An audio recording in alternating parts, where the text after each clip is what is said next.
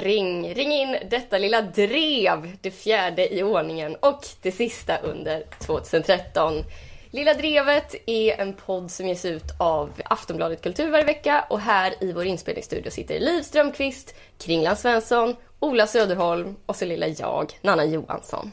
Hej på er alla! Hej! Hej! Hej! Eh, idag kommer det bli ett lite speciellt program. Vi ska inte prata om sånt som hänt den senaste veckan utan om sånt som hänt det senaste året. Faktiskt. Eh, vad har varit grejen med 2013? Det ska vi prata om. Eh, men innan vi drar igång hela härligheten så vill jag passa på att tacka våra älskade samarbetspartners, eh, Akademikernas A-kassa. Det är en del där ute som inte är med i någon a-kassa eh, och det kan vara lite tråkigt om man skulle förlora sitt jobb.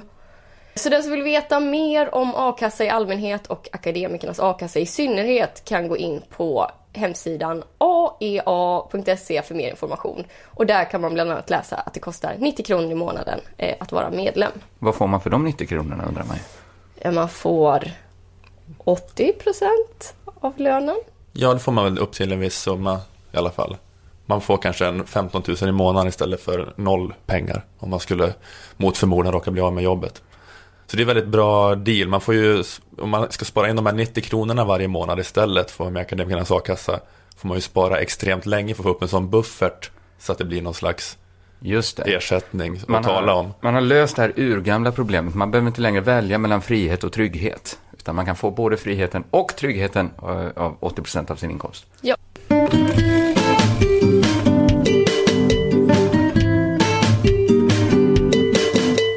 Jag tänkte att vi kunde börja eh, med att utse eh, årets mest och minst omskämtade nyhetshändelser. Eh, omskämtad är ett ord som jag tror att jag har uppfunnit för det blev så eh, röda vågor under det i Word eh, när jag skulle skriva den rubriken. Vad tyckte den? Menade du? Nej, det, jag har Omskärelse. ingen sån Eller vad? Nej, det blev inget så. Ah, Nej, inte vad jag kunde se i alla fall. Det, det, ni förstår vad man menar med det. Ja, Bra. vad har man Eh, skämtat om? Man har skämtat om det, precis. Ehm, och det har ju skämtats en del om vissa nyheter i år. Jag har utgått från Wikipedias sida över eh, år 2013 och sett vad har varit, vilka nyheter har varit och försökt eh, vaska ut vilka som har varit mest och minst omskämtade. Ja. Eh, vi kan börja med de mest omskämtade nyheterna 2013. Eh, här har vi några starka kandidater, till exempel eh, när Fredrik Reinfeldt eh, kallade sig stridshingst i en intervju. Det här tycker jag är intressant för då var jag bortrest. Så, så jag, jag fick liksom bara skämten men inte bakgrunden. Kan någon dra bakgrunden för mig? Eller var det Fredrik bara... Reinfeldt sa, jag är en stridshingst. Ja, det var. Var det bara Han bara beskrev sig själv som en stridshingst. Ja, han kallade det till presskonferens, gick upp på bordet och sa, jag är en stridshingst. Jag tar inga frågor på det. Sen så gick han. Föregicks det av eh, någon som frågade så här, vad är du utklädd till? Nej, men på riktigt var det väl att någon bara frågade, hur länge ska du hålla på? Vill du avgå snart? Eller är det eller så, jobbigt? finns det energi att fortsätta fightas? Jag vet Aha, inte. men det- det här kanske är skämtat om, men, men är det inte konstig liknelse att likna sig liksom vid hästen i en strid? Han borde väl, om han är statsminister, är han väl den som sitter på stridshingsten? Jag rider en stridshingst, skulle jag sagt så. Ja, det borde han sagt. Vet du Det har inte varit några skämt om detta. Då hade han gått helt fri skämt. Det är Anders Borg som sitter liksom på eh, Fredrik Reinfeldts axlar, så att säga. Och matar han med sockerbitar Ja. för att han ska... Ja. Men sen är det väl också att sådana stridshingstar kan väl lite slåss själva. De kan väl typ drämma till. De är väl upptränade att eh, ha någon slags egen skill tror jag. Nej, vadå, kan man dressera en stridshingst till att sparka bakut på fienden? Ja! Men det är Ja, ett men Det är väl underbart... att de stegrar sig och matar med hovarna så här i ansiktet på folk som ligger ner och sånt. Nej men det Okej, jag hade ingen Nej, aning. jag- nej men jag, jag Men kan man använda också, dem man utan- annars- alla böcker jag läser utspelar sig på medeltid. Ma- Så jag kan det här. Men, men, eh, men det, de måste väl ändå ha en ryttare på sig? Ja, Jo, jo. De är ju ändå Ja, det, inte... man skickar ju inte ut dem själva. Men liksom, det är klart att det är en skillnad om man sitter på en stridshingst eller om man kommer på en liten islandshäst eller en liten shetlandsponny och ska försöka så här vifta med ett svärd. Om man har en jättestor häst som också är arg liksom. Jo men Ja, den men är ju visst. stor och stark och snabb och uthållig då. Men det, jag tänker inte att, att den så delar ut slag, det Jo visste jag men inte kan om. den. I, Okej. i en, i Den en örfilar sen med sin lilla hosa. Ja, men det, det var i alla fall eh, en nyhet. En nyhet kanske man inte ska kalla det, men en... en eh, Är det det med stona som örfilas? Och hingstarna, det är därför man hellre har manliga hästar. För st- stona bara örfilar upp. slår med öppen hov. Ja. Ja men precis, men, och det man, men, men det man tycker är lite kul är att man inte tänker på honom så himla mycket som världens mest stridshingslika. Nej men ordet Nej, hingst kommer ju inte till en. nej, men är också han är ju inte heller Ja, det är alls sex, särskilt- sexuellt viril. Ja, Han har ju inget hästlikt utseende på något sätt. inte med kläder på. Där satt den! Ja, nu stäng av inspelningen nu. Vi är klara. Det blir inte bättre. Okej. Eh, Jag tycker vi går vidare då till nästa nyhet. Eh, Och det var det här med att eh, påven abdikerade. Det var första gången en påve abdikerade frivilligt sedan 1294. Eh, Så det var ganska Då var inte påven gammal det. Då var han så här liten. Det var alltså han Ratzinger, hette han så? Rat- Benedictus. Ja, Just det. Ratzinger var hans uh, slavnamn. sla, slavnamn. Sen så bytte han till Benedictus. När han... Ja, blev påve. den här, den här nyheten eh, inspirerade ju också till eh, en del skämt. Jag vet att du, Ola, hade ett ganska starkt skämt där. Ja, just det. Eh, Påven har abdikerat. Så den enda personen i Sydeuropa som har ett jobb sa upp sig. Det är bra. Eh, ja. Men är det, var det verkligen så omskämtat? För spontant så låter inte det lika eh, inspirerande som det här med Reinfeldt. Nej, Men det, är det- inte, men det är inte kanske samma Nej. nivå. Men eh, påven lockar, bjuder ju upp till skämt. Mm. Jag har gjort det länge. Det är något, jag vet inte varför. Det är så, det är så härligt att skämta om påven. Det är ju, det finns ju stråk av konstighet i att ha en påve. Tycker du det? Ja, men ja, det tycker jag. Om man står bara liksom några meter ifrån katolicismen och tittar på, så kan man liksom detektera konstigheter i deras system. De väljer så en gammal SS-gubbe som ska berätta för alla, den miljarden katoliker, vad de ska tycka i så här samlevnadsfrågor. Då tycker jag man kan detektera en konstighet. En att- 80-årig oskuld som är ex-nazist ska diktera hur. Ska han bestämma hur vi ska ligga med varandra? Ja, har påven en konstig hatt? Det är liksom standardordet. Men vad, ehm, var det inte något konstigt skäl han uppgav också? Om jag minns saken rätt. Det var typ så här... Eh, Men det var väl jag är gammal. Nej, ja, ja precis. Det var något sånt där liksom. Att han Visste var, du inte det för två veckor sedan när vi, när vi anställde blev dig? på. Och det är väl typ ett kriterium, eller? Man, man får väl inte gammal. vara för ung? Den nya påven är 22. Så jävla tajt. Men det var också, han var ju en lustig påve för han föregicks väl av den här otroligt gullige polacken som alla älskade jättemycket. Johannes Paul, ja precis. Han Johannes. Just som blev eh, skjuten. Nej. Äh, nej. Nej, Nej men utsatt för ett attentat. ja, någon gång blev han och det. överlevde och eh, förlät den personen under väldigt vackra former. Ja, Ja. men han var väl, alltså till och med så här Fidel Castro älskade väl den här påven. Alltså Johannes Paulus. Ja, men Den alltså den, den här nya påven är ju den, gulligaste påven ever. Nu har vi ju Franciscus. superpåve. Ja, men alltså alla älskar honom helt besinningslöst. Han har ju så här, äh, Han är ju marxist. ja typ han har sagt att, eh, att det inte är så farligt med bögeri. Han har gjort något sånt extremt liberalt ställningstagande med påvemått mätt. Jag kommer inte ihåg exakt hur det var. Nu reser sig håren. Eh, ja, eh, vi är klara med påven. Ja, tycker jag. Men Jag har ändå avgjort eh, vad som har varit eh, det mest eh, omskämtade i år och det är ju hästköttsskandalen. Eh, och jag måste säga att jag fattade inte riktigt då och fattar fortfarande inte riktigt vad som är själva skandalen i det. Är det att det ligger ett djur där det borde ligga ett helt annat djur? Ja. Ja, men det är skillnad på djur och djur. Fast är det det? Ja, men lite är det väl det? Eller? Är jag konst? Många tycker ju det. Många religioner är ju Ja men alltså, på vilka djur de liksom, vill alltså det uppseendeväckande är ju... alls då, eller? Nej, nej precis, det är, det är, men, men man, det finns också något uppseendeväckande i att skriva så här, det är någonting och så är det inte det. Det är ju någonting i det som är lite konstigt får man säga. Men sen kan man tycka så här, ja men om du kan äta så här en gammal, eller en nermald ko kan du väl äta den här gamla nermalda hästen från det här norska slakteriet. Men det jag tyckte var konstigt var att hästarna var så himla billiga. Liksom att de har fått lyckats framställa billigare lasagne genom att mala ner hästar istället för kor. För att det inte är så intuitivt och billigt häst. Nej, det var inte så. Om man hade fyllt ut med sågspån hade jag förstått, då blev det billigare. Men att det skulle vara så bisarrt billigare och så... Men hästar, det har gått sån inflation i hästar. Hästar har ju blivit så här, hästar är ju vanligare än kor nu. Alltså, Oj. eh, det var det folk eh, har så mycket som är hästar. Alltså det är ingen status Det beror på jobbskatteavdraget. Ja precis, exakt. Det har förlorat sin, sin status. Eh. Nu är det som att ha en skock får. Ehm, Så det är sånt överskott på hästar som bara dräller som, man, Mm. som, inte, som inte är värda någonting på grund av den här extrema tillgången. Så då kan man lika gärna mala ner dem i lasagne. Jag har inte tänkt, nu bor ju vi i stan här, men jag, jag, har inte, jag har inte tänkt på det. Att det funnits så mycket hästar. jag såg faktiskt två hästar igår utanför Kons, Coop Konsum. Som polishästar eller? Eh, Ja, det var polishästar. Men det hade varit roligare om du inte hade ställt en fråga.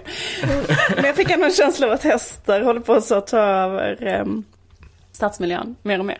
Ja, Det är det är mycket så många som man måste börja skjuta av hästar. mm, nej, men jag tycker inte vi behöver mera bevis än så.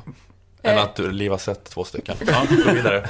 Nej men jag ser, eh, som sagt, jag ser inte riktigt skandalen. Jag tycker att det hade varit, de hade kanske, det hade kanske varit väldigt, väldigt obehagligt om det hade varit hästkött där man inte förväntar sig något kött alls. Typ i ett kuvert från Skatteverket. Det hade jag tyckt var skitobehagligt. Men att det är så här i en köttlasagne. Det är kött i den. Jag vet inte. Jag, jag ser inte riktigt den stora grejen. Men det blev i alla fall väldigt, väldigt eh, skämtat. Eh, folk gjorde så collage med Findus och ja. Strunt samma. Det, det var årets mest omskämtade nyhet. Men vilken är då årets minst omskämtade nyhet? Ja, det här var lite svårare. Eh, jag Det är svårt att leta efter. Ja, mitt urval kan vara lite godtyckligt och lite, lite hafsigt får jag erkänna. Eh, men eh, vi kan börja med, kommer du ihåg den här nyheten? Trosa kommun röstade om att byta län till Stockholms län, men resultatet blev nej. Var det då sådana skämt? eh, Jo men jag tänker, den, Stockholm tackar nej till tros. Alltså, ja, det var inga sådär. skämt, Det var inga men det skämt. har ju ändå lite potential i och med att det innehåller ordet trosa är lika med kul. men jag såg inga Ja, det sådana. blir lite bakläxa för eh, rolighetsministrar. Ja precis. Ja. Eh, här hade ni guld som ni... Eh, som Men har inte varit med, har du kollat att det inte var med i någon av Robins monologer? Nej, det har jag inte kollat. Men du har väl kollat på alla avsnitt av Robins? En annan nyhet som jag hittade på Wikipedias lista över 2013, som jag inte hört några skämt om, är att eh, ett, ka- nytt, ett nytt eh, kamelvirus upptäcktes i, Ett nytt kamelvirus upptäcktes i Kuwait. Har inte sett några skämt på det. Nu kan man ju tycka att jag borde ha förberett ett kamelvirusskämt här. Verkligen. Eh, Men det har jag faktiskt inte. Vad är ett kamelvirus? Det är ett virus som har hittats i kameler och jag tror faktiskt det kan smitta till människor. Jag tror det var så de... Mhm. Mm. Jag vet inte så mycket om det här kamelviruset. Men det är säkert jättestort i Kuwait. Mm. På och skämta. Någon kommer med puckelrygg och så säger man, har du fått kamelvirus? Särskilt, om de har malt ner kamelerna i lasagne i Kuwait. Då hade, det- Då då, hade jag varit med på att det, det var någonting lurt. Men, men det är väl en helt vanlig dag i Kuwait?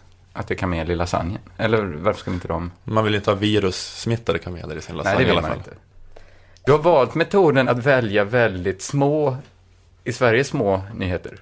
Ja men nu, nu ska du få höra vilken som är den absolut minst omskämtade nyheten. Mm. Eh, det är såklart inbördeskriget i Syrien.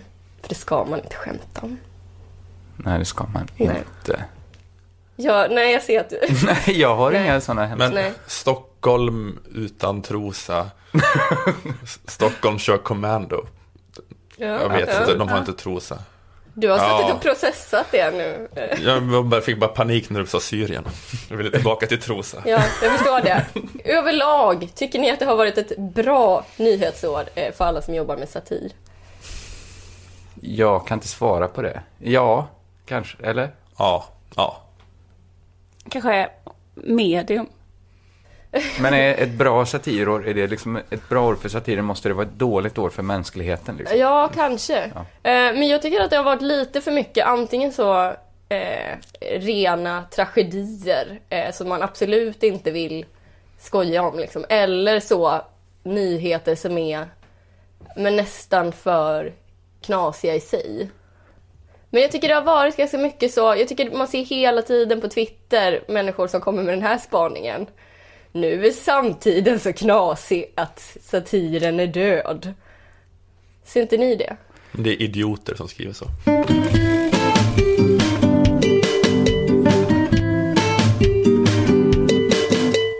Sture Bergvall är fri, Äntligen. Är han verkligen det?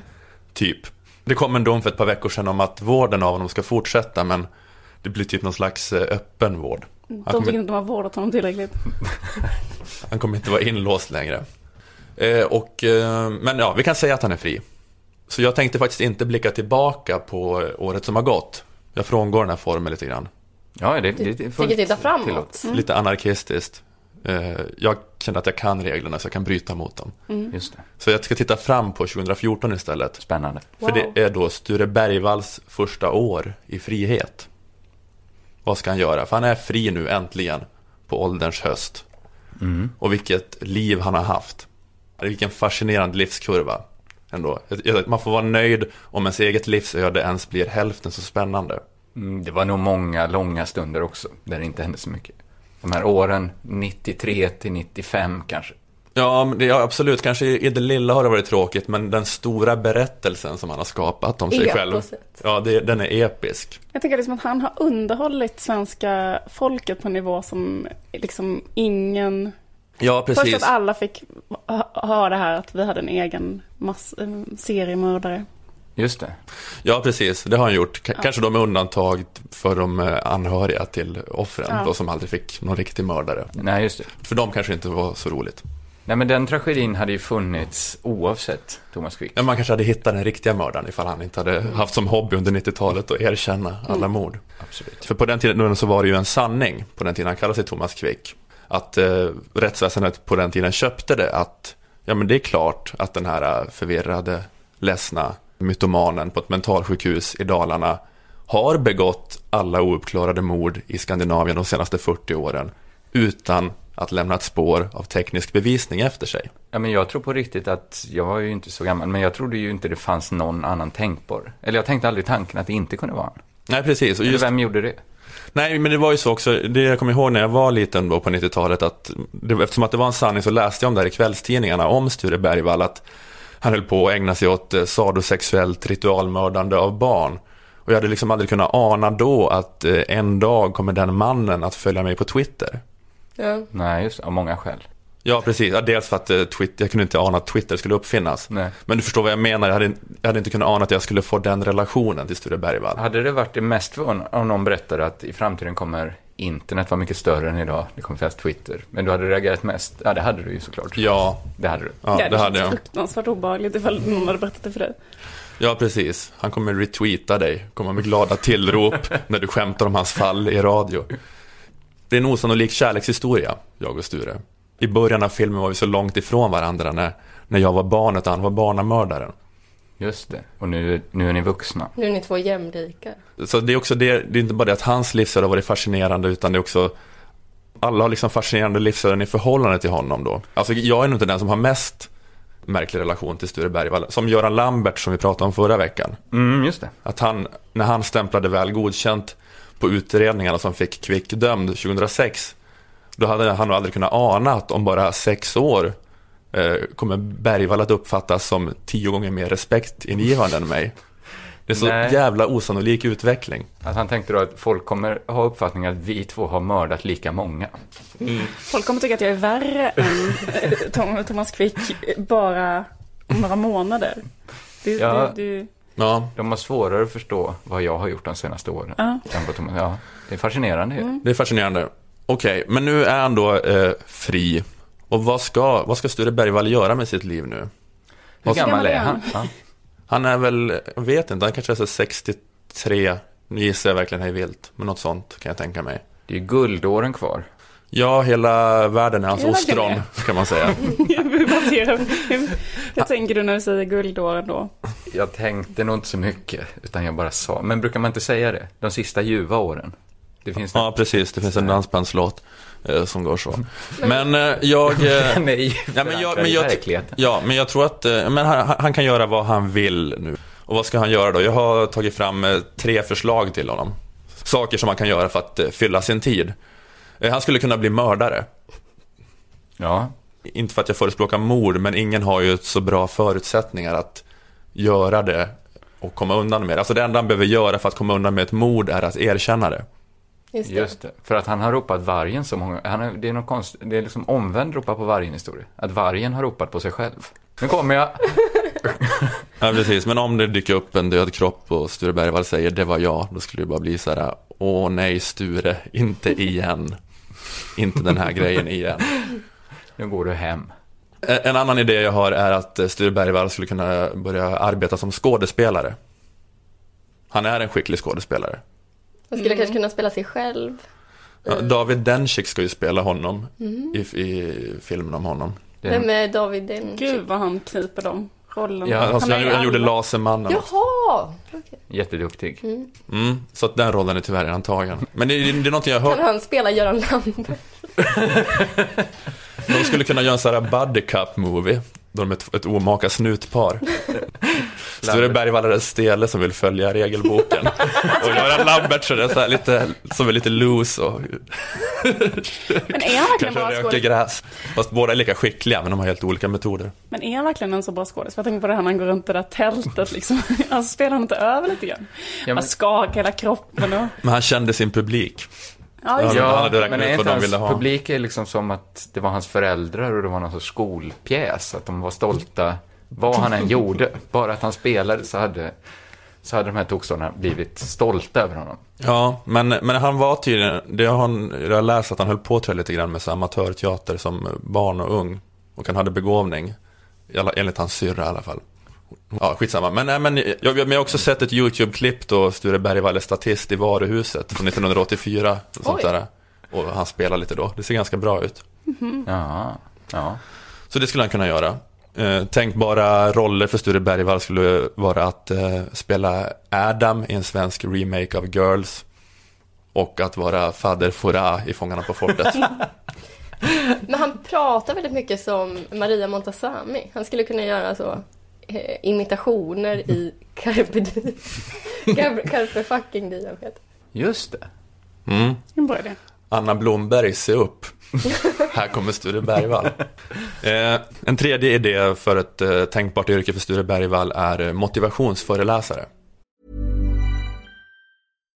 If you're looking for plump lips that last, you need to know about Juvederm lip fillers. With Juvederm Volbella XC and Juvederm Ultra XC, your lip look, whether it's subtle or bold, can last up to one full year with optimal treatment and no additional maintenance. Find a licensed specialist and see if it's right for you at juvederm.com today. That's J U V E D E R M.com. Add fullness to lips in adults over 21 with Juvederm Volbella XC or Juvederm Ultra XC. Do not use if you have severe allergies or a history of severe allergic reactions, or if you're allergic to lidocaine or the proteins used in Juvederm. Tell your doctor if you have a history of scarring or taking medicines that decrease the body's immune response or that can prolong bleeding. Common side effects include injection site redness, swelling, pain, tenderness, firmness, lumps, bumps, bruising, discoloration, or itching. As with all fillers, there's a rare risk of unintentional injection into a blood vessel, which can cause vision abnormalities, blindness, stroke, temporary scabs, or scarring. For full important safety information, visit juvederm.com.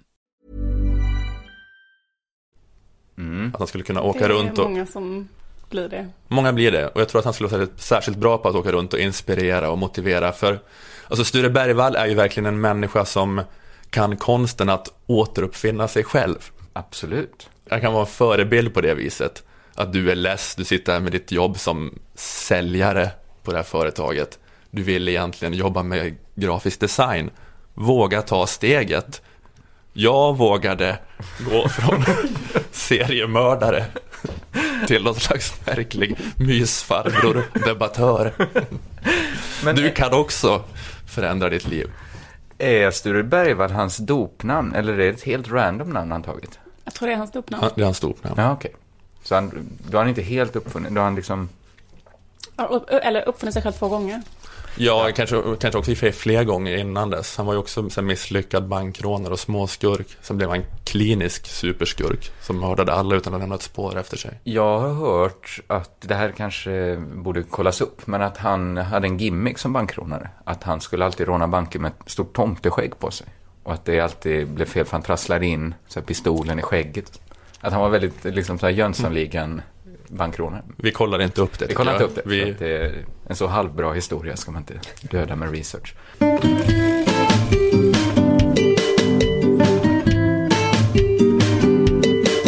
Ja, jag har tänkt lite grann på ehm, vad som har varit årets sämsta genusjournalistik. Och det har varit en, en hård kamp liksom, som skulle vinna den här fina utmärkelsen. Skulle det vara um, Carl Johan Carlssons krönika om vilka bystmått och rövmått som svenska män egentligen gillar? Eh, Eller skulle det vara den Sverigevänliga hemsidan Nords, Nordfronts diskussion under fliken jämställdhet? det känns lite som att du tigger om det om du går in och läser det här. Faktiskt finns en intressant diskussion som handlar om vilka kvinnor som är bäst innan kristendomen, alltså de hedniska kvinnorna.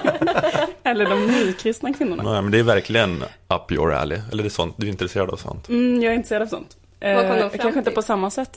Det, finns, det handlar mest om vem som är snyggast. För det, det fin, de har en teori som är så här att ehm, liksom kvinn, svenska kvinnor var liksom fria och helt eh, underbara. Och kvinnor, liksom, det, fin- det är en slags biologistisk teori att kvinnor var underbara i sin frihet när de och gick omkring med väldigt lite kläder och var hedniska. Det kanske är en sån Freja-mytologi. Sen en jättesnygg naken tjej. Och sen är det en eh, lite tr- tradigare nunne-style-tjej på ena sidan av henne. Och sen en tjej med burka på andra sidan. Och representerar dem De vad som har hänt. Nej, vad som hänt. Först var det liksom kanske en utopi. Sen så blev det kristendom som inte heller var bra.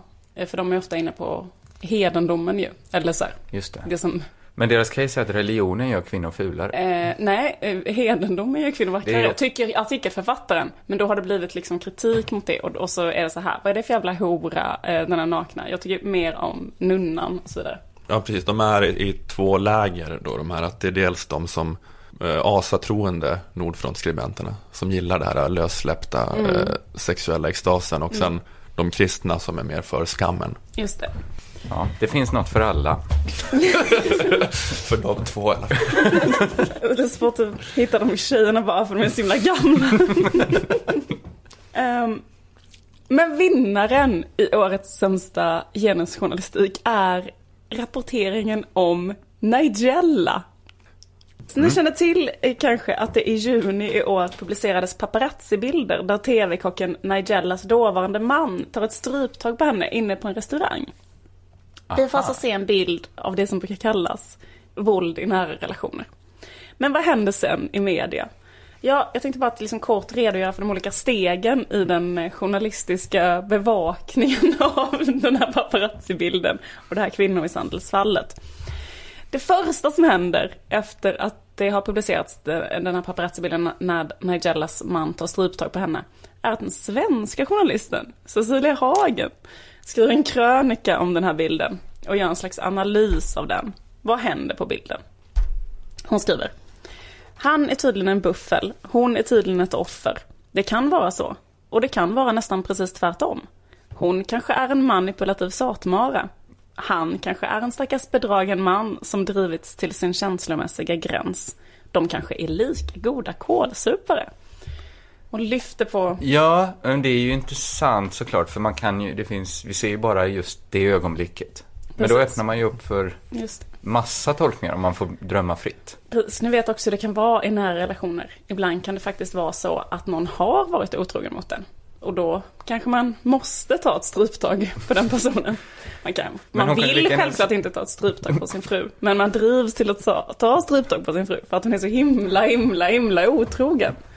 Det är det problemet kanske. Som... ja, så kan det bli.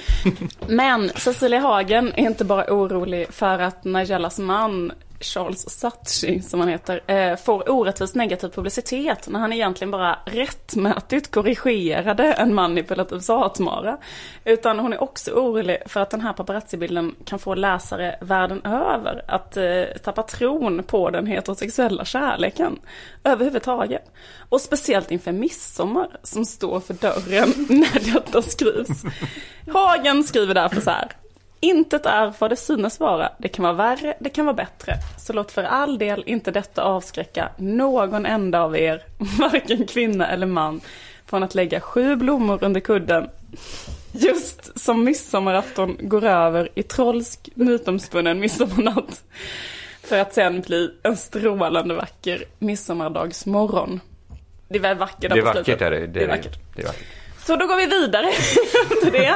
Vad var steg nummer två i den journalistiska rapporteringen om den här paparazzi-bilden på det här kvinnomisshandelsfallet? Ja, det läste jag häromveckan i Aftonbladet Klick, någon som tar upp stafettpinnen. att fortsätta prata om detta. Eh, och eh, steg nummer två i den här spännande bevakningen är, det blir avslöjandet att Nigella anklagas för att vara kokainist. Ny vinkel. Ja. Det var alltså inte en gullig kvinna och tv-kock som fick ett stryptag runt halsen på en uteservering. Utan det var en gullig kokainist och tv-kock eh, som fick ett stryptag runt halsen på en uteservering. Så Cecilia Hagen fick rätt? Eh, Nej, Kanske. Eh, får vara klart. Aftonbladet Klick skriver i sitt senaste nummer. De skriver så här i ingressen. Det som började med en dramatisk skilsmässa har nu ut, urartat i mutor, bedrägerier, lögner och droghärva. Inte en droghärva, utan det står så, och droghärva. Nigella har gått från populär författare och gudinna i köket till en knarkande skandalkock. Och Oj. skandalkock eh, refererar ju här till skandalskilsmässa. Eh, dramatisk skilsmässa. Det här med att hennes man verkade spöa henne heter nu istället dramatisk skilsmässa. och på grund av Så, det att, här. men så hon har blivit en skandalmänniska för att hon blev utsatt för ett skandalbeteende. Just det, precis. Och också att hon kanske är kokainist. Eh, vilket gör att allt som händer henne måste vara hennes eget fel på något sätt. Och mycket riktigt så rapporterar Aftonbladet också om att hennes exman har sagt i rätten att anledningen till att han tog strypgrepp på henne i somras var att han, citat, ville ta bort kokain ur hennes näsa. Men vad fan. Ni vet hur det kan vara när ens fru har kokain in i näsan. Man tvingas göra någon sån Heimlich manöver genom att pressa hårt runt luftrören för att få ut kokainet ur näsan. Det är så det går till. Ja, jag vet inte. Ja. Och sen så rapporterar också media att Nigellas man brukade kalla henne för Higella. För att hon var hög hela tiden. Och vem vill inte spöa någon som är hög hela tiden? Eller hålla fast den om halsen med två, som två hjälpande händer för att liksom trycka ut kokainet via luftrören på det här sättet. Eh, Så det, det är helt rimligt. Så det är ett lyckligt slut på den här historien för han som tog det här struptaget.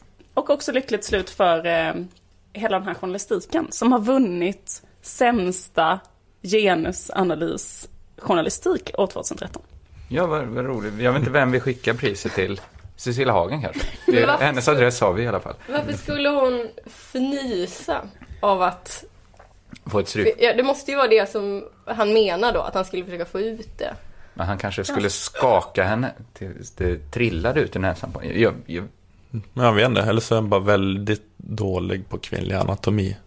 Och tror att näsborrarna sitter på halsen. alltså han hade vågat fråga.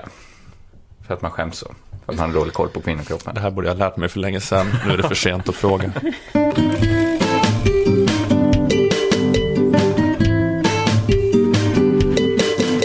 Hörni, eh, vad vet ni om ålen? Fisk. Fisk, ja. Det var en kille i min klass som kallades för det. Gick du i samma klass som väldigt Kent och Stoffe? Det är, eh, ålarna är väl extra feta när det har varit sjöslag. Är det så? För att de äter, eh, Äter drunknings... eh, Ja, precis. Jaha, läskigt. När då? När det har varit sjöslag? Ja, men det är precis, det är inte, men eh, det är något man kanske visste om i, i Polen under andra världskriget. Och idag tydligen, i Lilla Drevet. Ja, Eh, Så om man ser en riktigt fet ål så kan man kan man kolla radarn en extra gång om det saknas något på den. Då, ja, det var lite härlig info om ålen här eh, som vi kan liksom använda som fundament nu när vi går vidare. Vi kan väl enas om att ålen är en helt okej fisk. Varför? Vad har ni emot ålen? Nej, men bara kan vi undrar inte varför vi ska enas med. Jo, men visst, det kan vi väl enas om. Ja, men för jag tycker vi kan väl bara... Så något som är obehagligt med den tycker jag också. Men tror inte det. Ja, om den äter lik på det sättet. Ni förstör allt om ni ska vara emot ålen. Okej, vi älskar ålar. Ni Men har, inte ni, älska... har ni läst Bläcktrumman? Nej. Det, det är ju världens äckligaste ålscen där, där de fiskar ål med ett, dött, med ett hästhuvud. Så de kör ner hästhuvudet i vattnet, sen så äter sig ålar in i det, sen drar de upp hästhuvud, dödskallen och så bara flyger ut ålar på stranden. Men vi älskar ändå ålar. Är det Günter Grass sexfantasi eller är det ett vanligt Ja, sätt precis. att fiska Günther, ål? Günther Grass eh, kom så jävla hårt när han skrev det.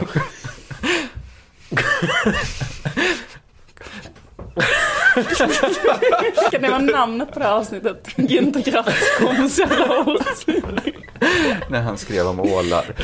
eh, ja, ja, nu har vi fått liksom den, bak, den mörka sidan av ålen då. Ja, Jag tycker det är en bra fisk. Jag tycker den kan få finnas kvar. Det trots tycker jag. allt det jag berättat för dig. Ja, Men, ja, alla ålar måste väl inte finnas kvar? De som Günther Grass håller på med. Tycker jag kan. Nåväl, det handlas en del med ål så här i juletider. Det känner ni till? Mm. Eh, egentligen kanske man inte borde det, tycker, tycker ju de allra, allra flesta, eftersom det finns inte så mycket ålar kvar. Och främst så är det män över 50 i södra Sverige som köper ål. Som liksom Är det samma som kommenterar på Avpixlat? jag, jag har inte samkört de Kan man se en registren. sån graf? Ålätare har kommenterat det. Men för det är en skånsk jultradition. För att jag Men det är skåningar ställer ju till alla problem i hela Sverige just nu. Det är ju så här, de äter upp ålen. De eh, driver fram en sån fascistisk utveckling i inrikespolitiken. Mm. Hur ska vi göra med det? Snart kommer det inte finnas invandrare eller ålar kvar i Sverige om de får hållas. Nej. Sen 60-talet så har liksom 99% av alla ålar ätits upp i södra Sverige. Så att om man fortsätter göra det så blir det liksom noll ålar kvar. Och det känns som om det är män över 50 i södra Sverige som, som ser till att det inte ska finnas några ålar kvar, så känns det som det finns en inbyggd paradox där, för vilka älskar ål allra mest? Jag skulle liksom tippa att det var män över 50 i södra Sverige. Just det, du menar att de, de kommer förbruka det enda de vill ha kvar? Ja, De, äl- de, de älskar ihjäl ålen. ja, det de älskar allra mest är något de absolut inte vill ha någon tillgång till i framtiden. De vill inte. Eller, Det- Som, man måste ju tolka det Deras så, eftersom de äter upp de sista det. ålarna. Ja, den sista Man kan deras- inte tänka långsiktigt, det är väl som sådana olika, många begär fungerar väl så på det sättet. Heroin kanske, man tänker inte så här. Att det är så Vad starkt. kommer det att göra med mig? Utan man tänker det bara, kanske- det är så gött nu. ja, man Som tänker det nu. här experimentet som de gjorde med barn. Att Ja. om du väntar en stund eh, med att äta den här bakelsen, då kommer du få två bakelser. Men så många barn som inte bara kunde hålla sig, utan bara, jag måste äta den nu. Marshmallow-testare. Ja, det kanske är det. Men det är väl att man har förmåga till uppskjuten behovstillfredsställelse. De här Att- männen har inte det, utan Nej. de måste Nej. ha sin ål nu. För jag håller med, det är ju ett bra test. Det passar ju att applicera det här testet på ålätarna. Alltså att Men så ålen håller på att försvinna. Det, det är alltså... det finns bara, jämfört med 60-talet finns bara 1% kvar. 99% Oj, oj, oj. är försvunna. Alltså det är, det är liksom alarmerande, om man nu gillar ål. Ja. som en över 50 i södra Sverige gör. Men jag tycker det är, ganska, det är bra det här testet liksom, att jämföra med för att små barn klarar ju inte det. De äter ju upp marshmallon. För att de har inte den, Nej, vissa klarar att vänta i tio minuter och få två marshmallows då. Och de klarar sig bättre i livet sen. ja, men om man skulle, De, skulle, de för, utrotar inte ålstammen. nej, de flyttar aldrig till södra Sverige. Nej, men det är intressant att män över 50 i södra Sverige skulle misslyckas om de blev lämnade ensamma med en bit luad ål. Då säger man vänta tio minuter så får du två. Eller vänta lite till så kan dina barn och barnbarn också få äta ål som är så gott. Vänta lite så utrotar du inte en hel djurart. Du behöver bara vänta lite, lite så rubbar du inte ekobalansen i södra Sverige. Och inte bara södra Sverige som ålen transporteras över enorma sträckor som ni känner till. De kan inte ens svara på den frågan för de har munnen full av ål. Precis. Bara, Man har inte ens hunnit berätta reglerna för det här uppskjuten behovstillfredsställelsetestet innan de har ätit den första ålen. Ja, jag, då har jag det budde, jag skulle säga att du får två ålar och du väntar tio minuter.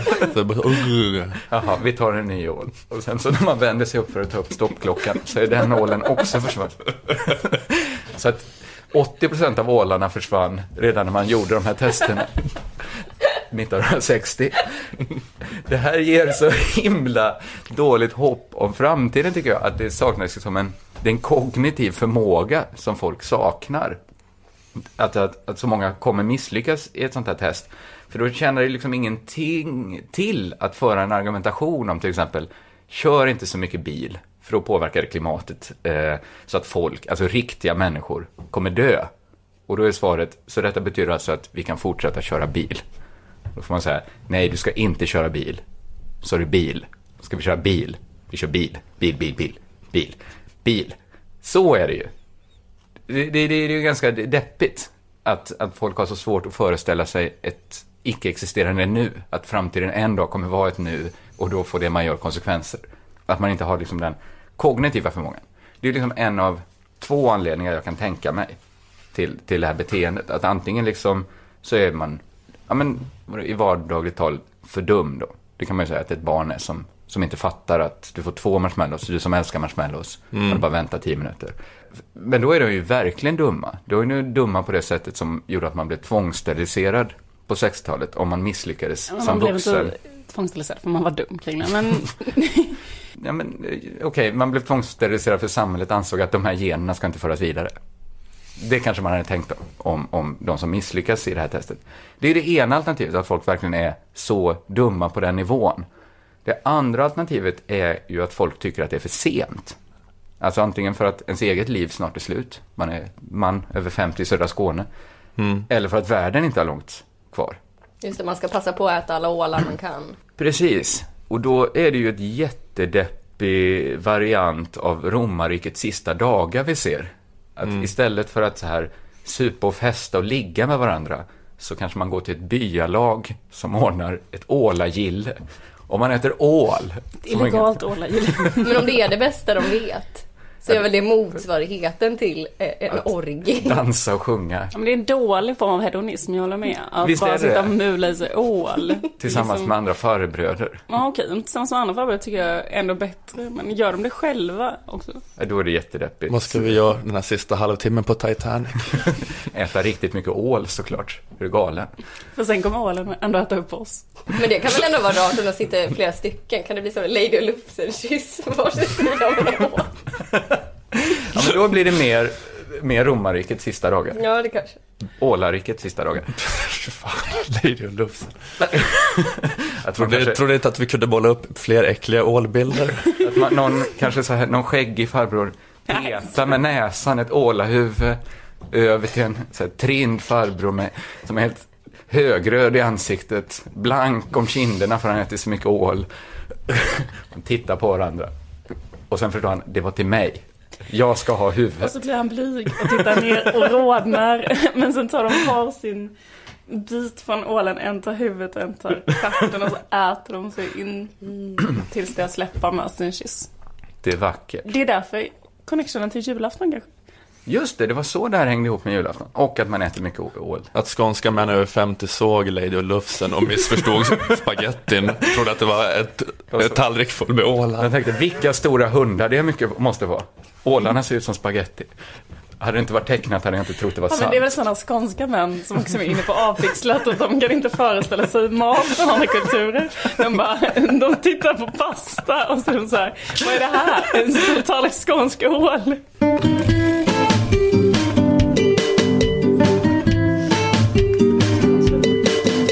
Ja, ni har hört Lilla Drevet, det sista avsnittet för i år. Vi vill tacka våra sponsorer Akademikernas A-kassa. Tack så hemskt mycket. Tack så mycket.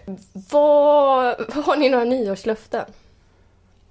Kanske att eh, försöka dricka lite oftare, har jag tänkt. Dricka alkohol? Oj. Jag gör det så sällan. och så ska ha lite mer kul, kanske. Ja, det var det, det, var det, det var det mer väntade sättet att säga det på. Dricka Jag lite ska mer. försöka dricka lite mer. 2014. ska försöka verkligen hålla det. Jag ska försöka verkligen dricka mer. Går. ja, vi håller tummarna då. Mm. Säg till om vi kan hjälpa dig på något sätt. Bygga en ävert eller en tratt eller någonting. Jag har känt det så äckel över mina egna åsikter. Jag tycker jag har så lumpna åsikter. Så jag tänkte jag ska byta åsikter nästa år. Så Jaha. jag slipper skämmas för. När jag tar en debatt så slipper jag liksom stå där, och- eh, när jag går och röstar så står jag där och skäms. För att det är så lumpet allting. Men vad är det för åsikter du har? Nej, så här vänsteråsikter bara. Okej. Jag byter dem nu till nästa år. Jag gör ett försök. Jag hade gjort ett försök och vara lite mer borgerlig. Så jag, jag kanske gör det. Jag får se hur länge, om det håller ända till september. Vi får se. vara höger hela 2014. Jag tänkte testa en annan tanke. Måste du välja just valåret? Kan Det kommer inte hålla. Ni vet hur det är med nyårslöften. Har du något, Olle? Nej, men jag skulle försöka träna lite oftare och må gott.